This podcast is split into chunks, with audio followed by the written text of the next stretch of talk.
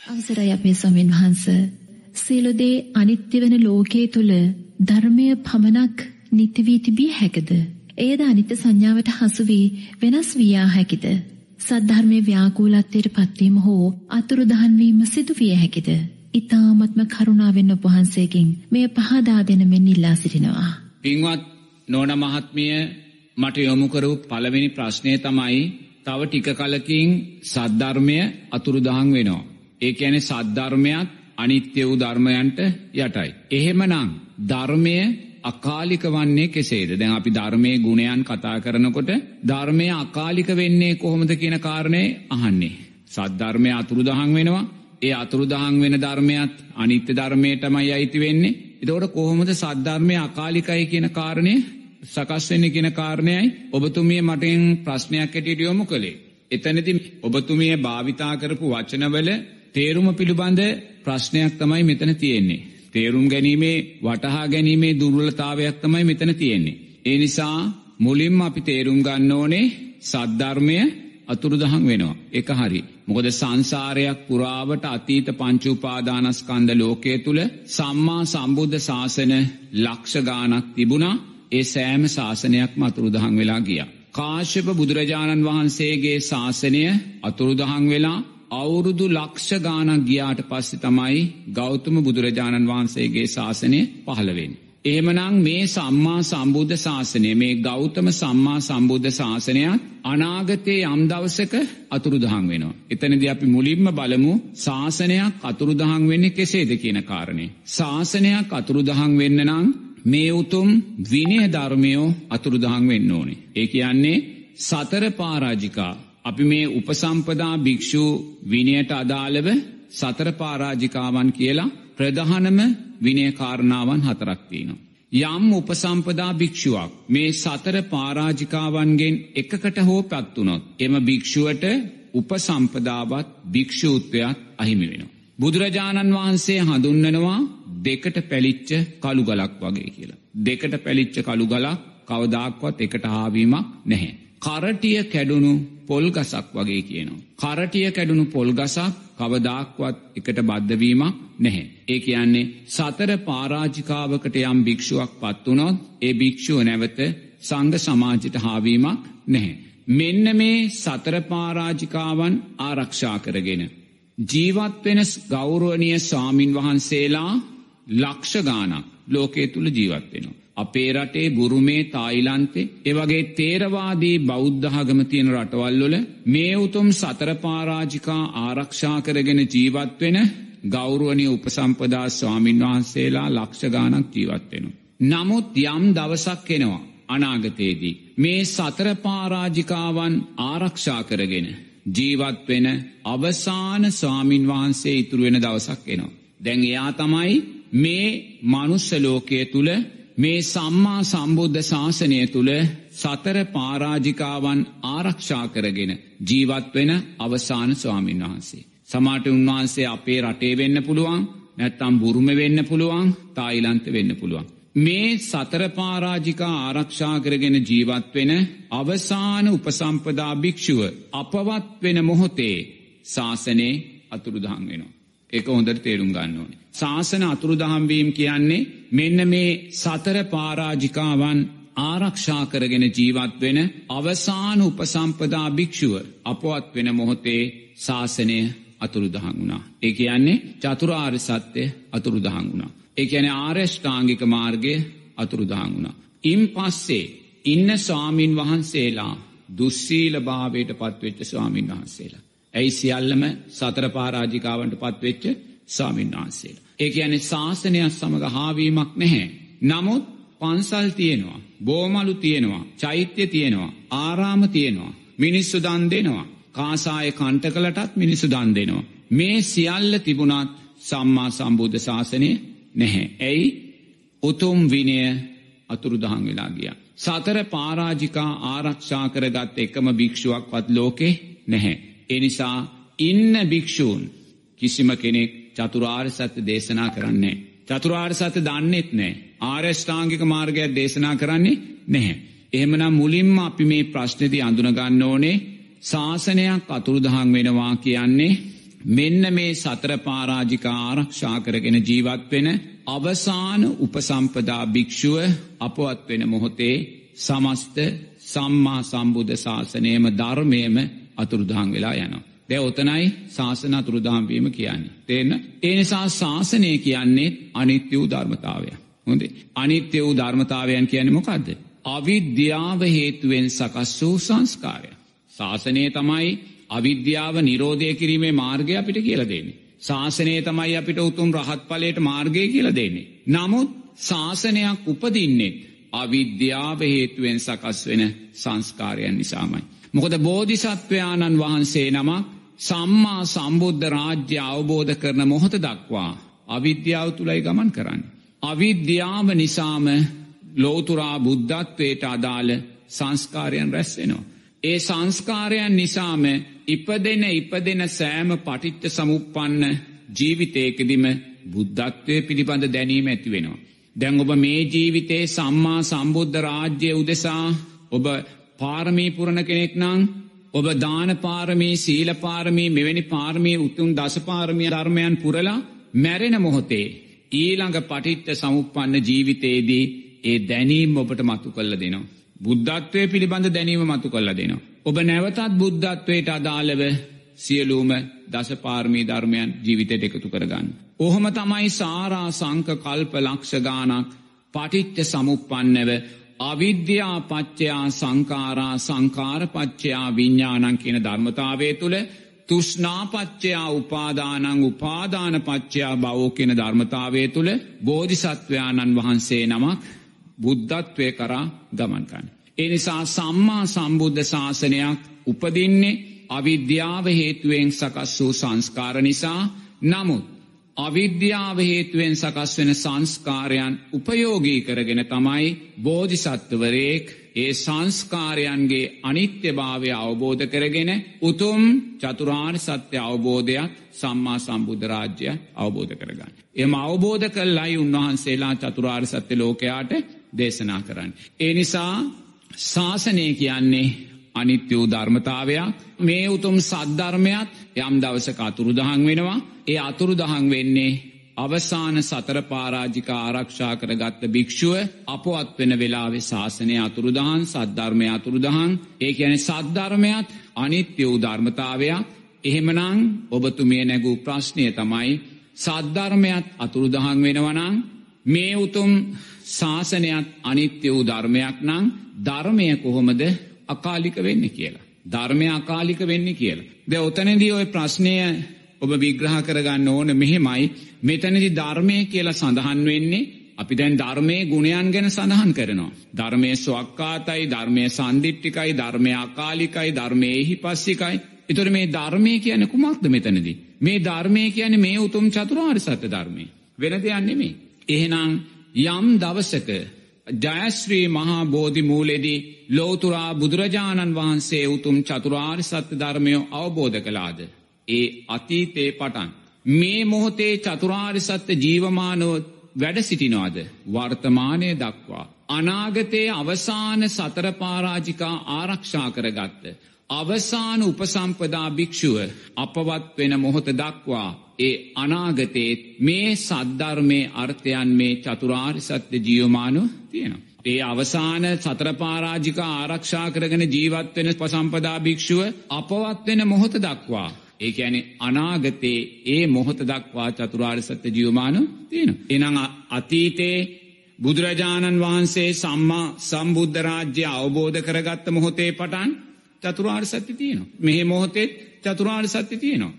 අවසාන උපසම්පදා භික්‍ෂුව සතර පාරාජික ආරක්ෂා කරගත්ත අපවත් වෙන මොහොත දක්වාත් සද්ධර්මය තියනවා. මේ උතුම් ශාසනය තියනවා චතුරාර් සත්‍යය තියෙනවා. එහෙනම් අතීත වර්තමාන අනාගත. මේ තුන් කාලයටම ධර්මය අවබෝධය පොදුයි. මේ සතුරාර් සත්‍ය උපයෝගී කරගෙන ඒ අතීතයේ බුදුරජාණන් වහන්සේ සම්මා සම්බුද්ධ රාජ්‍ය අවබෝධ කරගත්ත මොහොතේ පටන් අර පස්වග මහනුන් උතුම් චතුරාර් සත්‍ය අවබෝධ කරගත්ත මොහොතේ පටන් මේ මොහොතේ ඔබටත් අවසාන සතරපාරාජික ආරක්ෂා කරගෙන ජීවත්වෙච්ච ස්වාමින් වහන්සේ අපවත් වෙන මොහොත්තේ දක්වාත් මේ ලෝකේ චතුරාර් සත්‍ය ජියමානයි. ඒ කියන්නේ අකාලිකෝ පවතිනවා. නොමැරී පවතිනවා. ඒ තුන් කාලෙටම මේ ධර්මය පොදුයි. ඒ නිසා තුන් කාලෙටම මේ ධර්මය පොදුවනත් අවසාන සතර පාරාජික ආරක්ෂා කරගෙන ජීවත් වෙන උපසම්පදා භික්ෂුව අපවත් වෙන මොහොතේ සමස්ත සද්ධර්මයම අතුරුදහන් වෙලායන. එතොට සමත්ත සද්ධර්මයම අතුරුදහන් වෙලා යන්නේ හේතුවක් නිසා. මොකක්ද හේතුව මේ උතුම් චතුරාරි සත්‍ය දරාගන්න. මේ උතුම් චතුරාරි සත්‍ය ජීවිතයට එකතු කරගන්න. මේ උතුම් චතුරාරි සත්‍ය තුළින් සුගතිය මතු කරගන්න නිවන් මාර්ගය මතු කරගන්න තියෙන සංස්කාරයෝ සියල්ල මහවරයි. සියල් සංස්කාරයෝ සියල්ල මහවරයි. ඒසා නැවත සෝවාන් පලට පත්වෙන්න සකෘදාගාමි පලට පත්වෙන සංස්කාරතිීනයි ලෝකෙ නැහැ. එනිසා සද්ධර්මය අතුරු දහන් වෙලා යනවා. නමුත් සද්ධර්මය ආරම්භේ පටන්. ජයශ්‍රී මහා බෝධිමූලේ අපේ බෝධිසත්වය උතුම් චතුරාර් සත්‍යයෝ අවබෝධ කරගත්ත මොහොතේ පටන්. මේ මොහොත දක්වාත්. අවසාන සතරපාරාජික ආරක්ෂා කරගත්ත භික්ෂුව අපුවත් වෙන බොහොත දක්වාත්. මේ අතීත වර්තමාන අනාගත මේ තුන් කාලයටම සද්ධර්මය ජියෝමානු තියනවා. කාලිකෝ තියෙන නොමැරී තියෙනවා. නමුත් අවසාන උපසම්පදා භික්ෂුව අපවත් වෙන වෙලාවේ ශාසනය අතුරුදාන් සද්ධර්මය අතුරුදහන් ඊට පස්සෙ මොකද වෙන්නේ. ආයුමත් මෛත්‍රී බුදුරජාණන් වහන්සේගේ ශාසනය තමයි නැවතත් සද්ධර්මය මතු කරලා ගන්න. මේ උතුම් චතුරාර් සත්‍ය ධර්මයෝ මතු කරලා ගන්න. මේ ආර්යෂ්ඨාංගික මාර්ගය මතු කරලා ගන්න. අර බුදුරජාණන් වහන්සේ දේශනා කරනවා සස්්‍රීක නගරයක් තියෙනවා. එක බොහොම සස්්‍රීක නගරයක්. ඒ ශස්ත්‍රීක නගරය ක්‍රමාණුකූලව කැලෙෙන් වැසිලයනු. භාවිතයෙන් බැහැර වෙලා යනු. මොකොදේ නගරේ පෝෂණය කළේ නෑ. ඒ නගරේ ජනතාව පාලකයෝ නිසියාකාරෝ රැකගත්තෙ නෑ. ඒ නගරයට කළයුතු උපස්ථානයන් කළේ නෑ. එනිසා ඒ නගරය වල් බිහි වෙලා වනගත වෙනවා. වල් බිහි වෙලා වනගත වුණාට පස්සේ දවසක් යම් පුද්ගලයෙක් වනගත වෙනවා. යම් පුද්ගලයෙක් වනගත වෙලා මේ කැලේෙන් යටවෙලා තියෙන වනය මේ කැලේෙන් යටවෙලා තියෙන නගරය දකිනවා. ඔහු දකිනවා මේක සුන්දර නගරයක් අතීතෙ මංහිතන තිබ්බ. මේ සුන්දර නගරය කැලේෙන් වටවෙලා කැලේ වසාගෙන තියෙන්නේ. ඔහු ඇවිල්ල මේ පණවිඩේ රජතුමාට කියනවා. රජතුමා සේනාව අරගෙන ගිහිල්ලා මේ කැලේ හෙළි කරලා අර නගරය යළි මතු කරලගන්නවා වගේ. ඒ නගරේ යළු ජනාකීර්ණ භාවයට පත් කරනවා වගේ. අතීත ගෞතම බුදුරජාණන් වහන්සේගේ කාලෙ මේ සස්්‍රීකව තිබ්බ.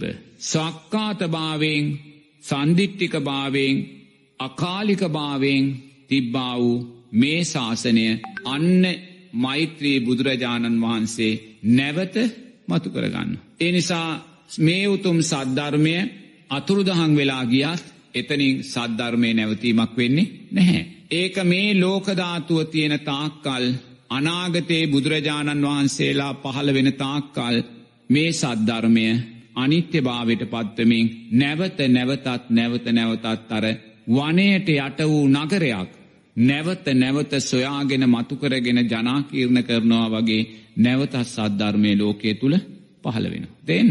එනිසා එතනදී ධර්මය අකාලිකයි කියන කාරණය තුළ අපි තේරුම් ගන්න ඕනේ සම්මා සම්බුද්ධ ශාසනයේ ආරම්භේ පටන් අතීත වර්තමාන අනාගත තුන් කාලයටම මේ චතුරාර් සත්‍ය ජීවමානෝ තිබෙන අතීත අනාගත වර්තමාන තුන් කාලයටම ජනතාවට මේ ධර්මය උපයෝගී කරගෙන මේ අකාලික ධර්මය නොනැසී තියෙන ධර්මය උපයෝගී කරගෙන උතුම් සෝවාන් සකෘදාගාමි අනාගි මාර්ගයන් සාක්ෂාත් කරගන්න පුළුවන්.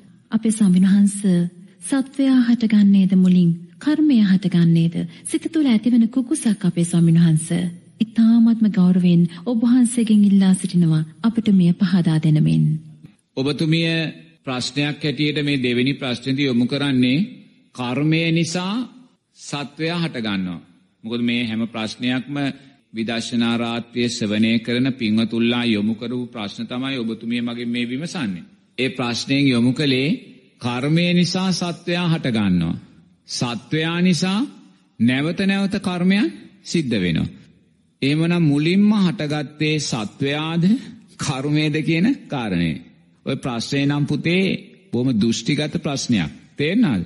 දෘෂ්ටිගත ප්‍රශ්නයක් බුදුරජාණන් වහන්සේ අපිට දේශනා කරනවා ලෝක විෂයන් ගැන හිතන්න එපා කියලා. තේරෙනවද? ලෝකේ හටගත්තේ කවදද? කර්මයේද හටගත්තේ මනුස්සයාද හටගත්තේ සත්වයාද හටගත්තේ මේ සියල්ලම අයිති වෙන්නේ ලෝක විෂයන්ට. ඒ කියන්නේ අපිට හිතන්න බැරි විෂයන්ට. ඒ නිසා බුදුරජාණන් වහන්සේ කියනවා මේ ලෝක විෂයන් ගැන අපිට හිතන්න ගියොත් අපි උමතු වෙයි කියලා. උමතු වෙනවා කියන්නේ සද්ධාවෙන් බැහැරට යනවා. තේන මේක කොහොමද වෙන්නේ? මේක වෙන්න බෑ. සත්වයා හටගත්තේ කර්මයෙන්. කර්මයෙන් සත්වයා හටගත්තා. සත්වයා නිසා කර්මය හටගන්නවා. තේන්න. එනම් මුලින්ම ඉපදුනේ සත්වයාද කර්මේද. හරිම පැටලිලි සහගතයි. තේන. ඔය පැටලිල්ල ලිහාගන්න බැරිවුණොත් සද්ධර්මය කෙරෙනුත් කලකිරෙනවා. එකැන උමතු වෙනවා. තෙරුවන් කෙරෙනුත් කලකිරෙනවා. එනිසා බුදුරජාණන් වහන්සේ කියනවා ඔය අපිට නොපෙනෙන ඒ ලෝක විෂයන් ගැන හිතන්න යන්න එපා කියලා. බුදුරජාණන් වහන්සේ නමක් අපිට පහළ වෙන්නේ චතුරාර්ය සත්‍ය ධර්මයන් කියන්න. එච්චරයි. එනිසා සම්මා සම්බුද්ධ ශාසනයකදී අපි අපේ ජීවිතවලට එකතු කරගත යුත්තේ චතුරාර්ය සත්‍යය. එනිසා චතුරාර්ය සත්‍යයෙන් බැහැර වෙලා අපි අපේ නිවන උදෙසා අපේ නිදහස උදෙසා අපේ නිරෝධය උදෙසා අපි ගතයුතු ධර්මයන් අරගන්නේ නැතුව බාහිර ලෝක විෂයන්දිය අපි හිතන්න ගියොත් අවසානයේ අපිට නිවන අහිමි වෙලා අවසානය අපි ලෝකේම නැවත නැවත හිමිකරුවන් බවට පත්වෙනවා. එනිසා බුදුරජාණන් වහන්සේ කොතනකවත් කර්මය නිසා සත්වයා හටගත්ත කියලවත් සත්වයා නිසා නැවත කර්මය හටගන්නවා කියන කාරණයක් මමනන් දන්න සඳහන් කරලනේ. බුදුරජාණන් වහන්සේ අපිට දේශනා කරලා තියෙන්නේ අවිද්‍යාව නිසා සංස්කාරටගන්න. අන්න හරිතැන. අවිද්‍යාව නිසා සංස්කාර හටගන්න. දැන් තෝට බලන්නකො දැන් මං මම ඉදිරියේ ඉන්න පින්වත් මහත්මයා උපමාවට ගන්නංකු. එතෝට දැන් ඔබ මෙතනිදි උපමාවට ගත්තොත් ඔබ කියන්න කුමක්ද. අවිද්‍යාව හේතුවෙන් සකස් වනාව සංස්කාරය. අවිද්‍යාව හේතුවෙන් නිසා වූ සංස්කාරය. සංස්කාර හේතුවෙන් සකස්සන්නාව විඤ්ඥානය දැනීම. විඤ්ඥානය හේතුවෙන් සකස් වෙන්නාව නාමරූප ධර්මයන්. නාමරූප ධර්මයන් කෙන පංචු පාදානස්කන්ධ ධර්මය. නාමරූපපච්චයා සලා එතනම්. මෙන්න මේ පංච උපාදානස්කන්දයෝ නිත්‍ය වශයෙන් ගැනීම නිසායි සලායතනයන් උපදුනේ. ඔබ ගිය ජීවිතේ අවසාන චුතිසිත ඔබ අනිත්‍යයි කියලා අවබෝධයෙන් අවබෝධ කරගත්තනං නැවත මේ සලායතනයන්ගේ ඉපදීමක් නැහැ. ඔබට මේ ජීවිතේ සලායතනයන් උපදින්නේ නැහැ. ඔබ සලායතනයෝ නිරෝධය කරනවා රූපය නිරෝධය කරනවා. නමුත් රූපය නැවත පටිච්ච සමුපන්නව ඉපදුනේ. ඔබ පටිච්ච සමුපන්න රූපයකට බැසගැනීමට අදාළව විඤ්ඥානය සකස් කරගත්තේ. ඇයි නාමරූප පච්චයා සලායතනය. පංචු උපාදානස්කන්ධය අනිත්‍යය කළ දැක්කේ නැහැ නිසා සලායතන ඉපදුනා. සලායතන පච්චයා පස්සෝ සලායතන හේතුවෙන් පස්සේ සිද්ධ වුණා. පස්ස පච්චයා වේදනා වේතනා පච්චයා තන්හා තන්හා පච්චයා උපාදානං උපාදාන පච්චයා බවෝ භවපච්චයා ජාති ජාතිපච්චයා ජරා ව්‍යාදිශෝක මරණ මේ පැත් ඔන්න ඔන්න මාර්ගය. මෙහෙමයි අපි ඒ ප්‍රශ්නය යොමු කළ යුත්තේ. මෙහෙමයි අපි ඒ ප්‍රශ්නය ගැන කතා කළ යුත්තේ. තියන්න කර්මය නිසා සත්වයා හටගත්තා සත්වයා නිසා කර්මය ශක්තිමත් වෙනවා ඒ කියන කාරණා අපි ධර්මය දෘෂ්ටිගතාකාරයෙන් ජීවිතයට එකතු කර ගැනීම වෙනවා. තේරනාද එනිසා නිරේ තුරුව දකින්න අවිද්‍යාව හේතුවෙනුයි මේ සියලු ධර්මතාවයන් සකස් වුණේ. ඔබ යම් දවසක අවිද්‍යාව නිරෝධය කලාද මේ ජාති ජරාව්‍යාදි මන්න සෝක පරිදේවයෝ සියල්ලම නිරෝධය වෙලා යනවා. තේන්න එන මේසා සරල දහමක් බුදුරජන් වහන්සේ අපිට දේශනා කරනවා. අවිද්‍යා නිරෝධය කරපු තැනදී ජාති ජරාව්‍යාදි මරණ නිරෝධය වෙනවා. තෙන් අපි අවිද්‍යාව ශක්තිමත් කරන තැනදී අපි ජාති ජරාව්‍යාදි මන්න ශක්තිමත් එහෙමනං අපි ධර්මය දෘෂ්ටිගතව ජීවිතයට එකතු කරගෙන. අපි ඒ දෘෂ්ටීන් නොස්සේ හබා යනවනම්. ඒ කියන්නේ මුලින් මහටගත්තේ සත්වයාද මුලින් මහටගත්තේ කර්මයද මේ ධර්මතාවයන් අපි හොයාගෙන යනවනම් ඒ හොයන මොහොතක් පාසා අපි චතුරාර් සත්‍ය තුළ නැහැ. අපි චතුරාර් සත්‍ය තුළ නෑ. අපි චතුරාර් සත්‍ය තුළ නැත්තං අපි සම්මා සම්බුද්ධ ශාසනය තුළ නැහැ. එනිසා ඔබට සම්මා සම්බුද්ධ ශාසනය අවශ්‍යනං. ඔබට චතුරාර් සත්‍ය ධර්මයෝ ජීවිතයට අවශ්‍යනං ඔබ බුදුරජාණන් වහන්සේටයි කීකරුවෙන්. බුදුරජාණන් වහන්සේ සියල්ල දන්නේ මම බුදුරජාණන් වහන්සේගේ කිසිත් නොදත් ශ්‍රාවකයා කියන තැන්ට ඇවිල්ලා. දෙන්නයි අවිද්‍යාපච්චයා සංකාරා. අවිද්‍යාව හේතුවෙන් සකස් සංස්කාර. අවිද්‍යා නිරෝධා සංස්කාර නිරෝධෝ. අවිද්‍යා නිරෝධා මේ ජාති ජරාව්‍යාදි මරණදුක නිරුද්ධ වුණ. තෙන් එනිසා අරකාරණය ගැන හිතන්න නැතුව තේරන දේ දෘෂ්ටිගතව ධර්මය ජීවිතයට එකතු කරගන්න නැතුව බුදුරජාණන් වහන්සේට කීකරුභාවෙන් මෙන්න මේ පටිච්ච සමුපාද ධර්මයන් තුළ ජීවිතය විසිරෝල දකින්න මේ පටිච්ච සමුපාද ධර්මයන්ගේ අවිද්‍යාව නිරෝධය කරලා බව නිරෝධය කියන කාරණය මතුකර ගන්න කියන කාරණයයි ඔය ප්‍රශ්නෙදී පිළිතුර හැටියට දෙන්න තියෙන්නේ. අප සමහර අවස්ථාවලදී කර්මය කුසලය ගැන සිතා සත්වයන් සම්බන්ධව තීරණ ගනු ලබනවා. ගෙදරක ගමක අපි සුරතලට ඇති කරන සතෙක් බල්ලෙක් පූසෙක් බොහෝ වෙලාවට ඔවුන් දුකින් මිදවීම පිණිස කරදරෙන් මිදවීම පිණිස කියා අප ඔවුන් සම්බන්ධයෙන් විවිධ සැත්කම් උපත් පාලන සැත්කම් මේ ආදී තීරණ සිදු කරනු ලබනවා. අපේ ස්වාමීන් වහන්ස මේ අකුසලයක්ද මෙලෙස සිතීම වරදක්ද චේතනාව සතකු දුකින් මුදවා ගැනීම නම් ඒ එසේ සිතීම වරදක්ද අපේ ස්වාමින් වහන්ස? මේ ක්‍රියාව වරදක්ද අපේ ස්වාමින් වහන්ස? අකුසලයක්ද? ඊ타මත්ම කරුණාවෙන් අපිට පහදා දෙනමින් ඔබ වහන්සේගෙන් ඉල්ලා සිටිනවා. ඔබතුමිය ප්‍රශ්නයක් හැටියට යොමු කළේ මේ ගම්වල එහෙම නැත්නම් ගෙවල් වල සුරතලේට එහෙම නැත්නම් ගෙවල් වල ආරක්ෂාවට ඇති කරන සත්තු ඉන්නවා. අපි ගමු බල්ලෝ කියලා. ඉතින් මේ බල්ලෝ බල්ලන්ගේ ගෑනු සත්තු පැටව් දානවා කියලා. අරන් ගිහිල්ලා ඒ සතුන් අරන් ගිහිල්ලා සැත්කම් වලට භාජනය කරලා උපත් පාලන සැත්කම් සිද්ධ කරනවා. ඒ සිද්ධ කිරීම පවද්ද පිනක්ද කියන කාරණේ තමයි අහන්නේ. හොඳේ. එතකොට මේක දැන් පිනක් කියලා බලාපොරොත්තුවෙන් කරන ඇත් ඉන්නවා. තේරෙනවද? මොකද මේ සතා පැටව් දැම්මට පස්සේ මේ පැටව් නිසා බලවත් ප්‍රශ්න මතුවෙනවා සමාජයේ බල්ලන්ගේ ගහණය වැඩි වෙනවා. අනිත් එක ඒ පැටව් පෝෂණය කිරීමේ හැකියාවේ ගෙවල් වලටත් නැහැ. මොකද බලු පැටව් වැඩි වුණොත් එතන පරිසරයටත් හානියක් වෙනවා. තේන් අදිති මෙවැනි හේතුන් නිසා හුඟක් අය යහපත උදෙසා තිරිසන් සතාගේ යහපතත් තමාගේ යහපතත් උදෙසා මේ සත්තු වඳ සැත්කම් වලට සිද්ධ කරනවා. ඉතින් ඒකෙදි ඔබ ඔබේ ගෙදර ඉන්න බල්ලා ගැහණු සතා වඳ සැත්කමක් කළා නම් ඔබ හිතනවා වෙන්න පුළුවන්. මේ වඳ සැත්කම කිරීම තුලින් අනේ බැල්ලියටත් පහසුවක්. ඒ වගේ මේ වනසැත්කම කිරීම තුළින් ඒ බල්ලාගේ අයිතිකරුවන්ටත් පහසුවක්. මොකද අමතර පැටවු නෑ ඒව පෝෂණය කරන්න වෙන්න ඒ පැටවු නිසා ඇතිවෙන්න වූ ප්‍රශ්න දුක් කරදරනෑ තේන්න. ඉතින් මේ දෙපැත්තෙන්ම හිතලා අපි හිතනවා ඒක අපිට පිනක් කියලත්. තේන්න. හුඟක් අය හිතනවා ඒක පිනක් කියලා අපි සමාජයටත් යහපතක් කරනවා අපි ඒ බැල්ලිටත් යහපතක් කරනවා කියලා. නමුත් ධර්මානුකූලව ඒක ගැලපෙන්නේ නැහැ. ධර්මානුකූලව ඒක ගැලපෙන්නේ නැහැ. ඇයි ධර්මානුකූලව ගැලපෙන්නේ නැත්තේ? දැන් අපි බලමු මනුස්ස අම්මා කෙනෙක් මනුස්ස අම්මා කෙනෙක් දරුවෙක් ලෝකෙට බිහි කළාට පස්සේ ඒ දරුවා දුකක් කියලා දකිනවද? ඒ දරුවා දුකක් කියලා දකින්නේ මනුස්ස අම්මා කෙනෙක් දරුවෙක් බිහි කළාම ඒ දරුවා ප්‍රශ්නයක් කරදරයක් බාධාවක් කියලා දකිනවද? දකින්නේ Taman බිහි කරපු දරුවා නිසාම ලේ ටික කිරි බවට පත් වෙනවා. Taman බිහි කරපු දරුවා නිසාම ඒ අම්මා තාත්තා රැට නින්දක් නැහැ. තමන් බිහිකරපු දරුවා නිසා දරුවගේ මුත්‍රා අසූචයේ අම්මතාත්ත දකින රත්තරං හැටියට.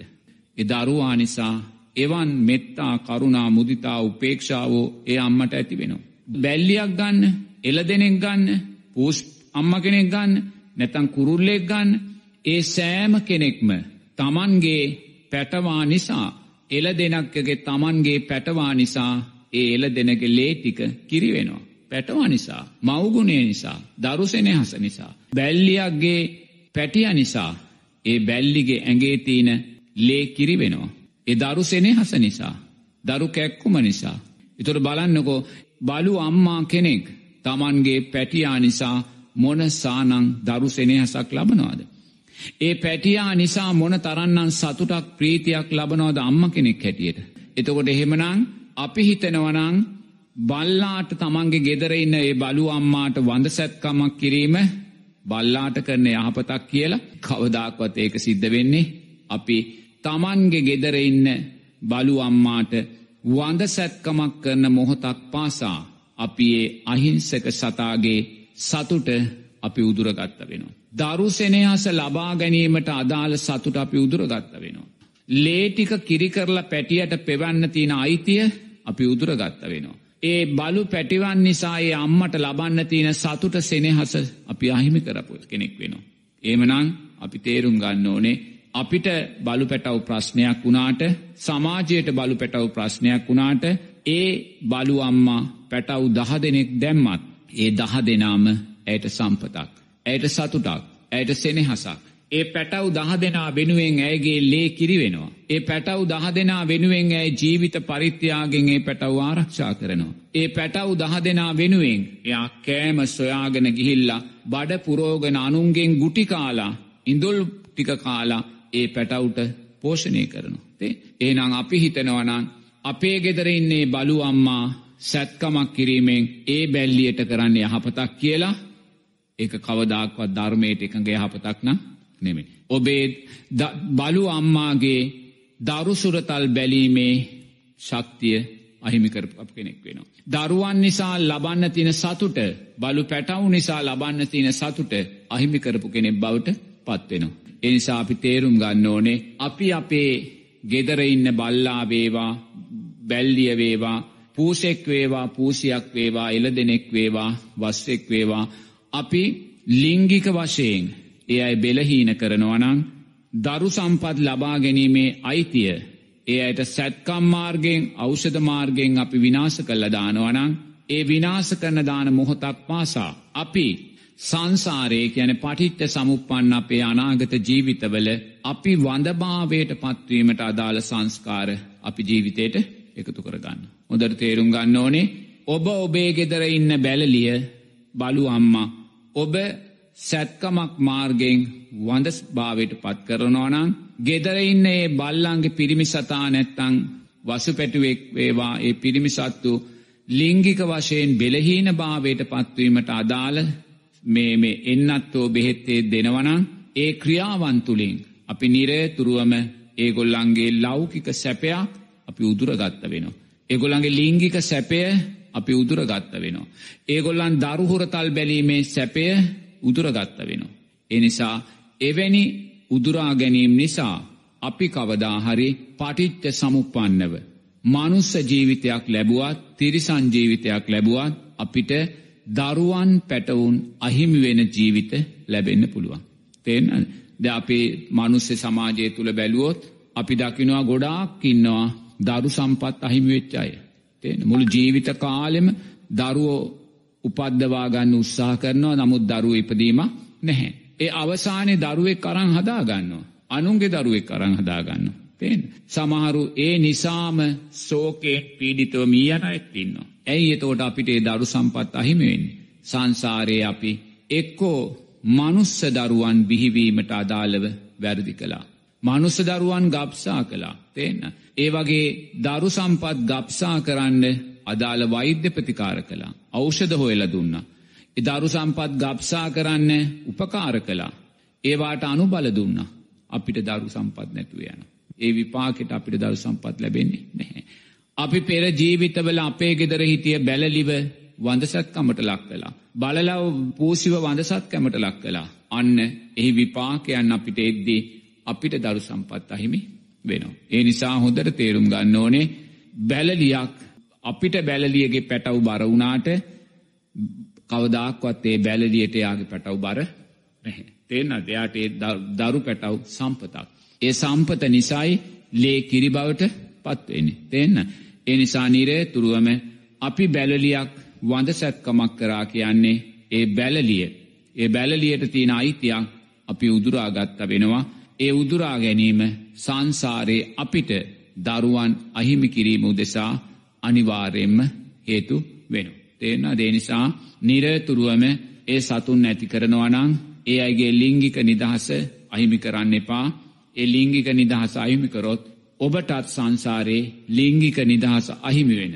නපුන්සක ජීවිතයන් ලබන ජීවිත බවට පත්වෙන්න පුළුවන්. අපි ඔය බිත්තර කියන කාරණයේදීත් ඔය කාරණය මතු වෙනවා. දැන් ගෙදරක කුකුලො කිකිලියෝ හදනවා. කුකුලො කිකිලියෝ හැදවා මේ කිකිලි බිත්තර දානවා. ඒ බිත්තර දැම්මට පස්සේ ඕනෑම කිකිලියක් බිත්තර පහළොවක් වගේ දාලා එයා රකිනවා. ඕනෑම කිකිලියක් රකිනවා. එතෝට ඒ රකින වෙලා එයා රකින සමාට සුමානයක් දෙකක් තුනක් මාසයක් කූඩුව ඇතුළෙම läගල ඒ කිකිලි රකිනවා. නමුත් අපි බිත්තර තියන්නේ නැහැ. එයා දාන බිත්තර ටික අපි කාලා කිකිලිට පැටවු ලබා ගැනීමේ අයිති අපි අහිමි කරනවා. ඒක තේරුම් ගන්න ඕනේ. එහෙම එකක් තියෙනවා අනිවාර්යයෙන්ම තියෙනවා. මට මතකයි අපේ ගෙවල් වලත් අපි පොඩි කාලේ කිකිලියෝ හිටියා. ඕනෙම ගෙදරක ඒ කාලේ ඉන්නවා කුකුලෝ කිකිලියෝ කීප දෙනෙක්. ඒතකොට අපේ අය මොකද කරන්නේ අර බිත්තර ටික එකතු කරලා ඒක රකින්න වෙලාවට රකින්න තියෙනවා. දවස් 18ක් ගියාම බිත්තර 12ක් 13ක් තිබ්බොත් ඔන්න පැටවු 10ක් 11ක් එනවා. ඒතකොට බලන්න ඒ පැටවු 10 දෙනත් එක්ක ඒ කිකිලිය මොන තරම්නම් සෙනෙහසින්ද ජීවත් වෙන්නේ. මොන තරම්නම් සතුටෙන්ද ජීවත් වෙන්නේ. අර පැටව් 10 දෙනා මැදි කරගෙන ඒ අයට මාස 3ක් විතර යනකම් කන්න හොයලා දෙනවා. පහුරු ගගා පහුරු ගගා එයා බඩගින්න ඉඳලා පැටව් ටික පෝෂණය කරනවා. එයා රෑට පැටව් 10 දෙනා එයාගේ අත්තටු දෙක පියාපත් දෙක යට තියාගෙන ඒ පැටව් උණුසුම් කරනවා. ඒතර බලන්නේ පැටව් 10 දෙනා නිසා ඒ කිකිලි අම්මා මොන තරම්නම් සතුටක් ලබනවද? මොන තරම්නම් දරු සෙනෙහසක් ලබනවද? ඒ පැටව් නිසා සමහර වෙලාවට යම් පලිබෝධ පැටවුට එන පලිබෝධ නිසා ඒ කිකිලි ජීවිත පරිත්‍යාග කරන අවස්ථා තියෙනවා. තේන් බල්ලෙක් එලෝගෙන ආවොත් ඒ පැටව් ටික කවදාක්වත් ඒ කිකිලියාගේ ජීවිතය ගැන හිතන්නේ. පැටවුගේ ජීවිතය ගැන හිතන්නේ. ඒ පැටව් නිසා කිකිලි මරණයට පත්වෙන ජීවිත පූජා කරන අවස්ථා. ඉත බලන්නේ පැටව් ටික කොච්චර ආදරෙන් ඒ කිකිලි රැකගන්න. නමුත් අපි ඒ කිකිලිට ඒ බිත්තර ටික අපි පරිභෝජනයට අරගෙන ඒ පැටව් හැදීමේ අයිතිය අහිමි කරනවනම්.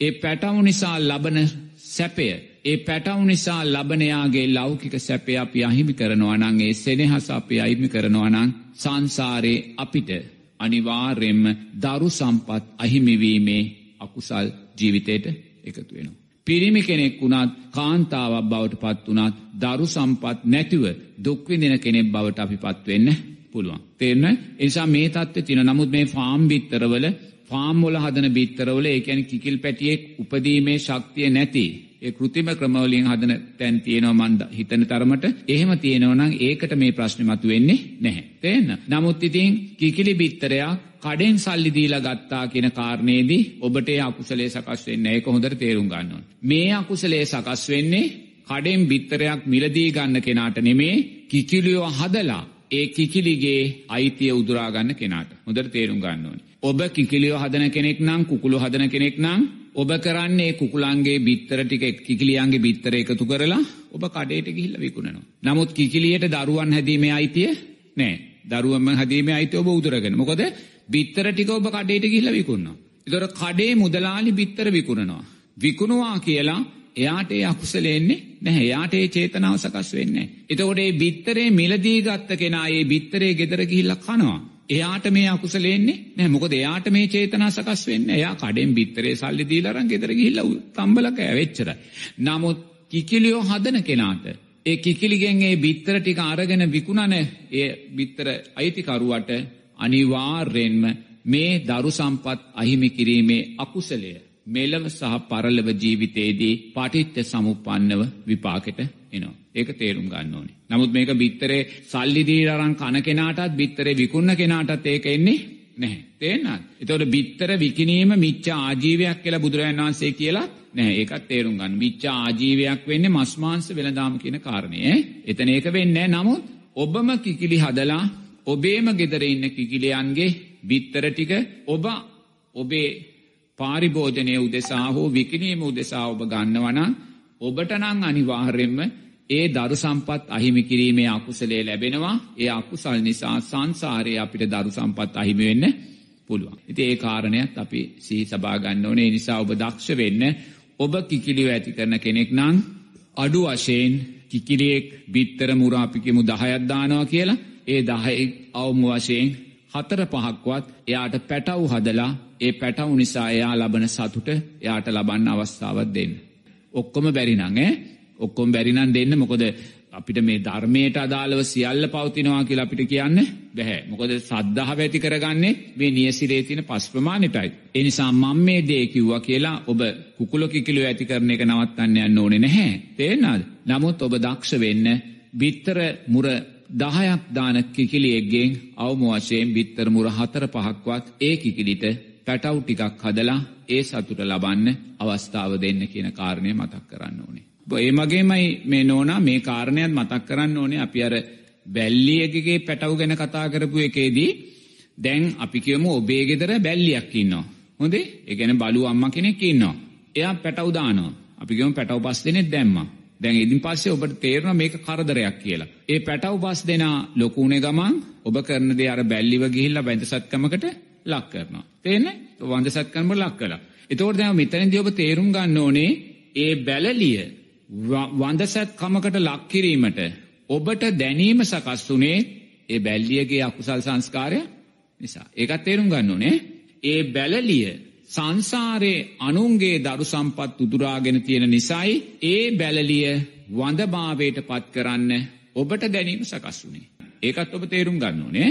එනිසා මේක පටිච්ච සමුප්පන්නව කෙනෙක් වරදක් කරනවා තව කෙනෙක් වරදක් විපාක දෙනවා. ඒ විපාක දෙන වරද උපයෝගී කරගෙන තව කෙනෙක් වරදක් කරනවා. ඒක මේක නැවතීමක් නැහැ. මේක නැවතීමක් නැහැ. ඒ නිසා අපි දක්ෂ වෙන්න ඕනේ මේක නැවතීමක් ලබන්න නම් ඒ කියන්නේ අපි මේ රූපය නිරෝධය කරන්නම වෙනවා. මේ ඉපදීම ජාති ජරා ව්‍යාධි මරණ ශෝක පරිදේවයන් නිරෝධය කරන්නම වෙනවා. තේන? ඒ නිසා එතෙක් අපි අනුන්ගේ අකුසල් නිසා අපි අකුසල් කරගන්නවා. ඒ අකුසල් විපාකිට එද්දී තව පිරිසක් අකුසල් කරගන්නවා ලෝකය නැවතීමක් නිමාවක් අවසානයක් නැහැ තව කල්පසියක් කෝටි ප්‍රකෝටි ගානක් ජාති ජරාවියාදි මරණ මැද්දේ ගමන් කරනවා පටිච්ච සමුප්පන්න. ඔබ වහන්සේ ආනාපාන සති භාවනාව වඩමින් උත්සාහ කරනු ලබන්නේ විදර්ශනා ප්‍රඥාව ලබා ගැනීමට. අපට එය පහදා දෙන ස්වාමින් වහන්සේ කියලා අපිට ප්‍රශ්නයක් ඉදිරිපත් කරලා තියෙනවා ගෞරවනීය ස්වාමින් වහන්සේ. එමෙන්ම අප සිත තුළ නිරන්තරයෙන්ම ලෝභ, ద్వේෂ, මෝහ ආදී අකුසල් සිතිවිලි පහළ වෙනවා.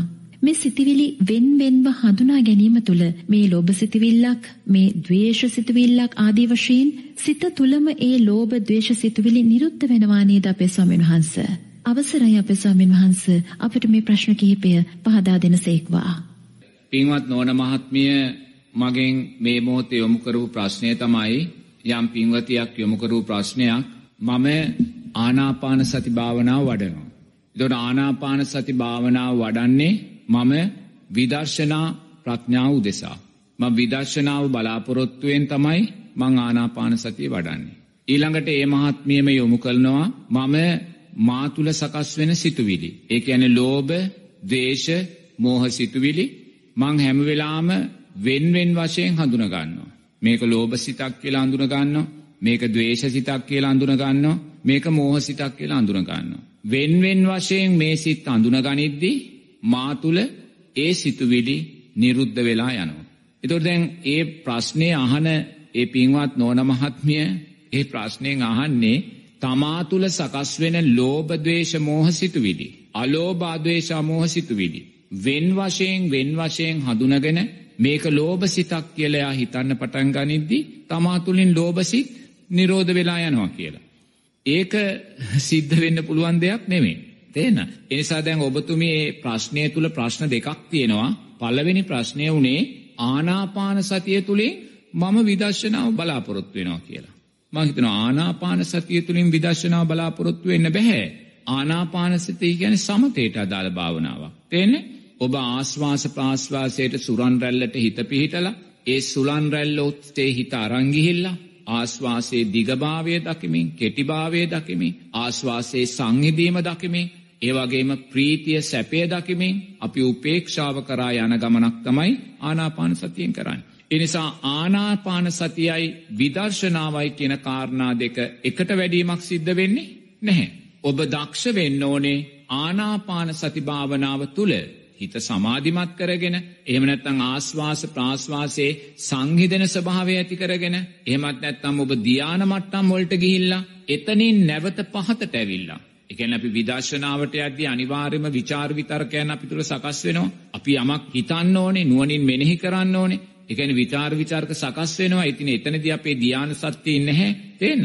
ඒ නිසා ඔබ ආනාපාන සතිය තුලින් විදර්ශනාවට යන්න බලාපොරොත්තු වෙනවා නම් ඔබ ආස්වාස ප්‍රාස්වාසයට හිත යොමු කරලා සුරන් රැල්ල ඔස්සේ හිත අරන් ගිහිල්ලා හිත සංසිඳුණු තැනදී ආස්වාසෙන් බැහැර වෙන්න. බැහැර වෙලා විචාර විතර්ක තුලින් ඔබ කායානුපස්සනාව මෙනෙහි කරන්න. සතර සරිපට්ඨානියෝ මෙනෙහි කරන්න. එහෙමත් නැත්නම් ඔබ ආනාපාන සතිය තුලින් ඔබ පළවෙනි දෙවෙනි තුන්වෙනි හතරවෙනි ධානා මට්ටම් වලට යන්න පුළුවන් නම් ගිහිල්ලා ඒ ධානා මට්ටම් වලින් පහතට එන්න.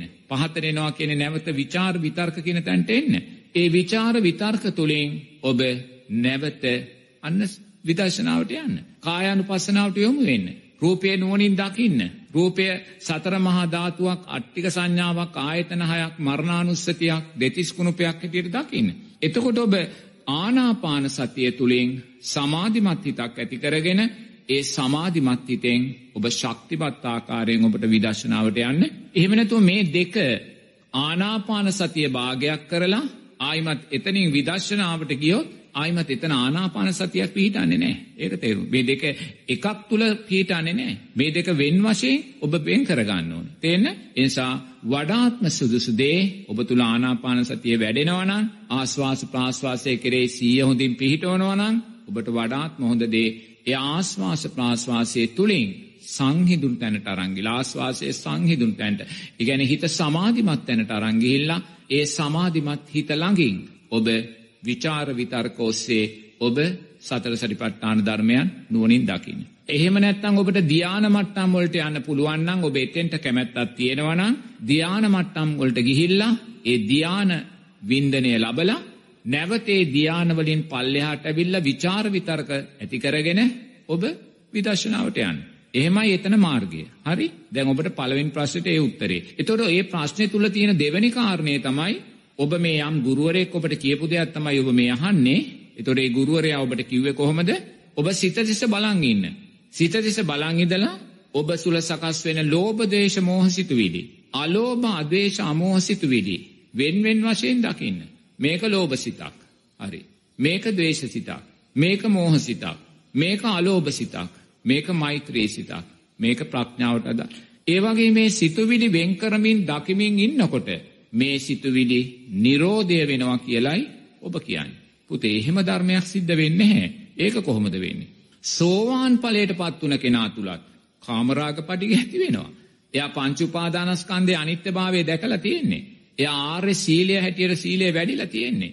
එයා අචල සද්ධාවට ඇවිල්ලා තියෙන්නේ. නමුත් එයා තුලත් කාමරාග පටිඝයන් සකස් වෙනවා. ලෝභ දේශ මොහය සකස් වෙනවා. අපායගාමී නැහැ. එහෙනම් ඔබ කියනවා නම් ලෝභසිත, ද්වේෂසිත, මෝහසිත වෙන්වෙන් වශයෙන් හඳුනගෙන යද්දී ඒ සිත් නිරුද්ධ වෙලාම යනවා කියලා ඒක වෙන්න විදියක් නැහැ. තේන්න? ඒ නිසා යම් කෙනෙකුට කාමරාග පටිග සිත් නිරුද්ධ කරන්න නම් කාමරාග පටිග සිත් නිරුද්ධ කරන්න නම් එයා අනාගාමී ඵලයට මෙන්නම වෙනවා. මොකද අනාගාමී ඵලයේදී අපි තුල කාමරාග පටිගයෝ නිරෝධය වෙන්නේ.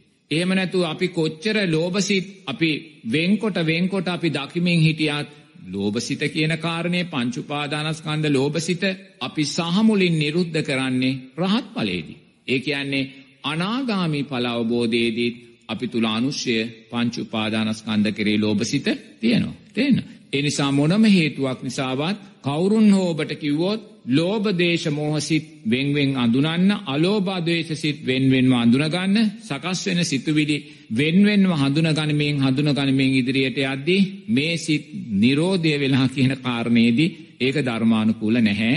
ඒ කියන්නේ ඔබ කොච්චර ලෝභ ද්වේෂ සිත් එම නැත්නම් කාමරාග පටික සිත් වෙන් වශයෙන් වෙන් වශයෙන් වෙන් වශයෙන් හඳුනගෙන හඳුනගත්තා ඔබ සෝවාන් ඵලයට පත් වුන වෙලාවේ අනිවාර්යයෙන්ම ඔබ තුලත් කාමරාග පටිගය වැඩෙනවා. තේන්න. ලෝභ දේශ මෝහය වැඩෙනවා. මොකද ඔබ සෝවාන් ඵල අවබෝධයේදී මෝහය පරිපූර්ණ වශයෙන් නිරෝධය කළා නැහැ. නිරෝධය කළා නැහැ. ඔබ පංච උපාදානස්කන්ධයේ අනිත්‍ය විතරයි දැකලා තියෙන්නේ. ඒ නිසා ඔබ සෝවාන් ඵලයේදී ඔබ කොච්චර මෝහසිත අයින් කරන්න උත්සාහ කළත්, ලෝභසිත, ද්වේෂසිත අයින් කරන්න උත්සාහ කළත් ඒවා නැවත නැවත සකස් වෙනවා. ඒ නිසා ඔබ සිත් අයින් කරලා තේරුමක් නැහැ.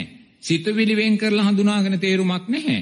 ඔබට මේ සිතුවිලි අවබෝධයෙන් නිරෝධය කරන්න නම් බුදුරජාණන් වහන්සේ මාර්ගයක් කියලා තියෙනවා. සිතුවිලි අවබෝධයෙන් නිරෝධය කිරීමේ මාර්ගය සිතුවිලි වෙන්වෙන් වශයෙන් හඳුනගෙන හඳුනගෙන හිටීම නෙමේ. ඒක නෙමෙයි. සිතුවිලි නිරෝධය කිරීමේ මාර්ගය කාමරාග පටිග වේවා ලෝභ දේශ මෝහ වේවා අලෝභ දේශ අමෝහ වේවා මේ සෑම සිතුවිල්ලක්ම නිරෝධය කිරීමේ මාර්ගය ආරෂ්ඨාංගික මාර්ගයයි. එනිසා ඔබ මේ හිත්වෙන් කරමින් හිත්වෙන් කරමින් දකිමින් ඉන්න යන්න එපා. හොඳේ? එහෙම කළොත් ඔබට කවදාකවත් ආරෂ්ඨාංගික මාර්ගය වැඩෙන්නේ නැහැ. ඒ නිසා ඔබ සිත වෙන්කොට වෙන්කොට දකින පැත් ක්‍රියාව පැත්තකින් තියලා ඔබ නිරතුරුවම වර්තමානයේ තුල මම ආරෂ්ඨාංගික මාර්ගයේ ඉන්නවාද කියලා දකින්න. වර්තමානයේ මම ආරෂ්ඨාංගික මාර්ගය තුල ඉන්නවාද කියලා දකින්න. වර්තමානයේ මම සම්මාදිට්ඨිය තුල ඉන්නවාද කියලා දකින්න. වර්තමානයේ මම සම්මා සංකප්පයන් තුල ඉන්නවාද කියලා දකින්න. තේන්න. එහෙම නැත්නම් ඔබ සිත් වෙන්කොට වෙන්කොට දකිමින් ඉන්න ගියොත් අවම වශයෙන් ඔබ තුල නෙක්ඛම්මයක් නොවෙඩී තියෙන්න පුළුවන්. දොර බුදුරජාණන් වහන්සේ අපිට කියන්නේ හිත් වෙන්කොට දක් වෙන්කොට දකින්න කියලා. බුදුරජාණන් වහන්සේ කියන්නේ සකස් වෙන හිත චිත්තානුපස්සනාවෙන් දකින්න. තේන්න. සකස් වෙන හිත චිත්තානුපස්සනාවෙන් දකින්න. ඔබ තුළ සකස් වෙන ලෝභ සිතත් අනිත්‍යයි කියලා දකින්න. ඔබ සිත සකස් වෙන අලෝභ සිතත් අනිත්‍යයි කියලා දකින්න. ඔබ තුළ සකස් වෙන දේශ සිතත් අනිත්‍යයි කියලා දකින්න. ඔබ තුළ සකස් වෙන මෛත්‍රී සිතත් අනිත්‍යයි කියලා දකින්න. එතනයි බුදුරජාණන් වහන්සේ අපිට කියන්නේ. නමුත් එතන දකින්නත් අපි ආර්යෂ්ඨාංගික මාර්ගය තුළින් සම්මා සමාධියකට එන්න ඕනේ. තේන්න. තුට ආර්යෂ්ඨාංගික මාර්ගය තුළින් සම්මා සමාධියකට ආවොත් පමණයි. අපිට චිත්තානු පස්සනාව ජීවිතයට එකතු කරගන්න පුළුවන් කායානු පස්සනාව තුළ. එනිසා නිරතුරුවම බුදුරජාණන් වහන්සේට අදාළව මාර්ග ඇති කරගන්න. තේන්න.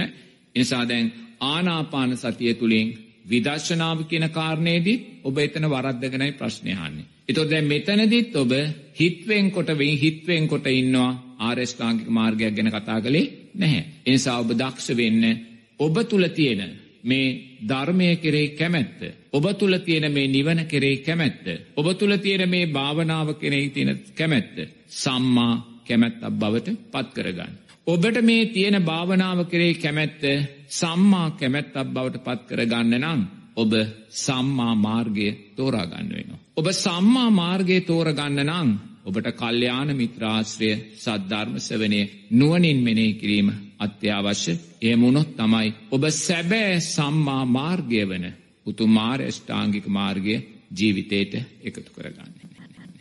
පිංහතුන් අප්‍රමාණ සතුට පත්වෙන්න අද බෝම සුන්දර දවසක්. මේ සුන්දර මාතෘභූමියයට උතුම් මේ ලෝකධාතුවේ උත්තම අර්ථය වන උතුම් චතුරාර් සත්‍යය ලැබුණ දවස සම්මා සම්බුද්ධ ශාසනයේ සිහිල රැකවරණය ආරක්ෂාව ලැබුණ දවස එවන් සුන්දර දවසක පිංහතුනේ ඔබ මේ සුන්දර රාත්‍රියයේ සිරස ගුවන් විදිලි ඉදිරියේ වාඩි වෙලා මේ විදර්ශනා රාත්‍රිය ශ්‍රවණය කරලා විදර්ශනාමය සිතුවිලි ඇතිකට ගත්ත මොහොතේ පිංහතුනේ මේ සුන්දර පොසොන් පුර පසලොස්සක පෝය දවසේ මං එක දෙයක් ඔබට මතක් කරනවා මීදු මහෝත්තමයාණන් වහන්සේ මේ සුන්දර භූමියට දෙපා තියලා අපේ රටේ රජතුමාට අදවැනි දවසක එදා දුන්න සුන්දරාවාදය.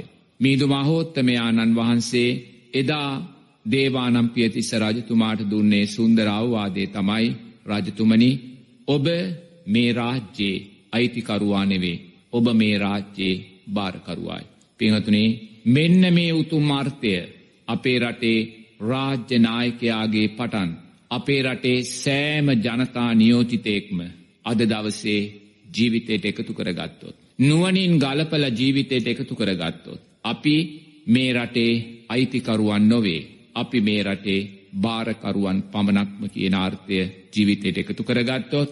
ඒ වගේම මේ රටේ ජනතාවයි මේ රටේ සැබෑම අයිතිකරුවන් කියන කාරණය තේරුම් කරගත්තොත් පිංහතුනේ අද මේ අගාදය කරා යන මාතෘභූමියක් ඒ අගාදය කරායන මාතෘභූමිය නිසා දවසින් දවස අර්ථයන් දුර්ුවල දිසාවට ගමන් කරන උතුම් සම්මා සම්බුද්ධ ශාසනයක් ජනතාවගේ ජීවිත තුළින් දවසින් දවස ගිලිහී යන ආර්යෂ්ඨාංගික මාර්ගයේ ශක්තියත් පිංහතුනේ යළි ජීවත් කිරවීම උදෙසා ගන්නා වූ සුන්දර අධිෂ්ඨානයක් බවට පත්වෙනවා. එනිසා මේ සුන්දර පොසොන් පුරපසලොස්සක පොය දවසේ අපේ මිහිදු මහෝත්තමයාණන් වහන්සේ රටේ රාජතුමා ඉදිරියේ කළ ඒ සිංහනාදය නැවතත් සීහට නගාගන්න.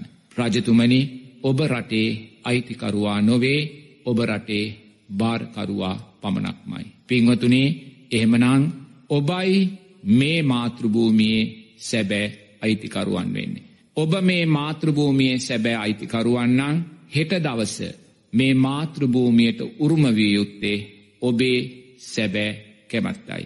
ඔබේ සැබෑ කැමැත්තනං මේ උතුම් සද්ධර්මය රජයන මේ උතුම් ධර්මිෂ්ඨභාවය රජයන සීලය සද්ධාව සම්මාධිට්්‍යය රජයන පිංවතුනේ සුන්දර රටක් බවට පත් කරගන්න. සුන්දර මාතෘභූමියක් බවට පත් කරගන්න. පිංහතුනේ ලැබේවා කියන සුන්දර අධිෂ්ඨානය. මේ මොහොතේ මේ විදර්ශනාත්මක කුසල් ධර්මයන්ගෙන් පිරුණු ඔබේ ජීවිතය තුළින් ඒ සුන්දර අධිෂ්ඨානය ඇති කරගන්න ඊට වඩා සුන්දර අධිෂ්ඨානය අද දවසේ ඇති කරගන්න අපිට වෙන නැහැ.